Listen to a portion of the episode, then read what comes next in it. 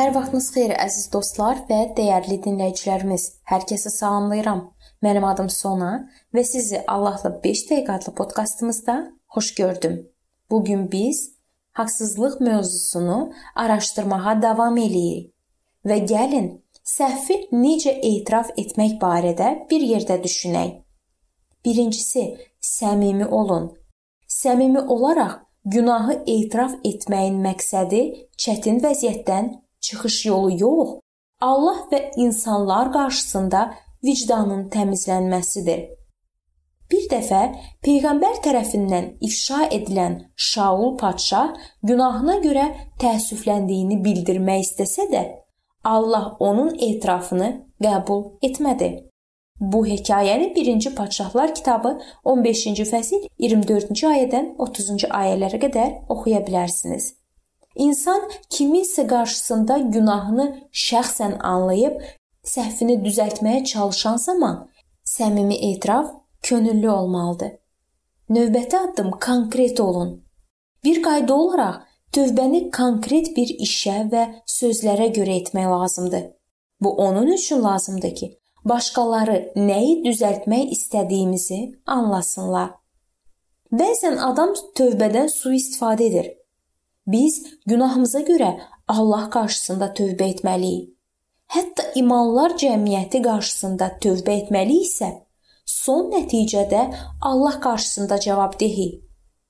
Anlamalıyıq ki, hər bir günah Allah qarşısında cinayətdir və sizin günahlarınızı yalnız o bağışlaya bilər. Tövbə bir qayda olaraq günah barədə məlumatı olanlar qarşısında edilir. Bununla yanaşı imanlar cəmiyyəti qarşısında tövbəyə ehtiyac olmayanda belə əgər bir-birimiz qarşısında pis əməlləri etiraf etsək, bu bizi mənəvi cəhətdən möhkəmləndirəcək. Tövbədə özümüzə diqqət cəlb etmək üçün istifadə etməyin. Həmçinin yanlış tərbiyə edilmiş vicdanınızın oyanması nəticəsində də tövbəyə ehtiyac yoxdur. Bu və ya digər hərəkət edərkən günah edib etmədiyiniz və buna görə tövbəyə ehtiyacın olub olmadığı barədə düşüncələr sizə əzab verirsə, ola bilsin məsləhətə ehtiyacınız var və bu məsləhəti istəməyə utanmayın. Başqalarının tövbə etməsinə necə yanaşmalıyıq? Sözsüz ki, qardaş və ya bacının tövbəsini qəbul edib etiraf etməlisiniz. Əgər kimsə hər hansı məsələ ilə bağlı bizim bağışlamağımıza ehtiyac duyursa, o bizim bağışladığımızı görməlidir.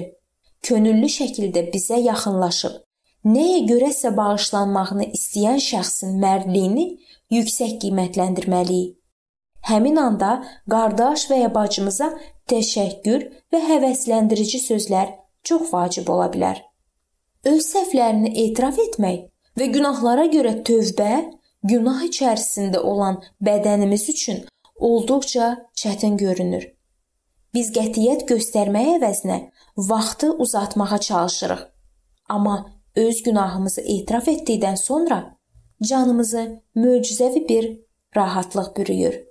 Buna görə də əziz dostlar, əgər kiməsə qarşı haqsızlıq etmişiksə, lazımsız şeylər demişiksə, İlk növbədə Allahın qarşısında tövbə edək və öz canımızın rahatlığı yolunda qarşımızdakı insandan haqsız olduğumuzu etiraf edib bağışlanma istəyək. Bu çox vacibdir.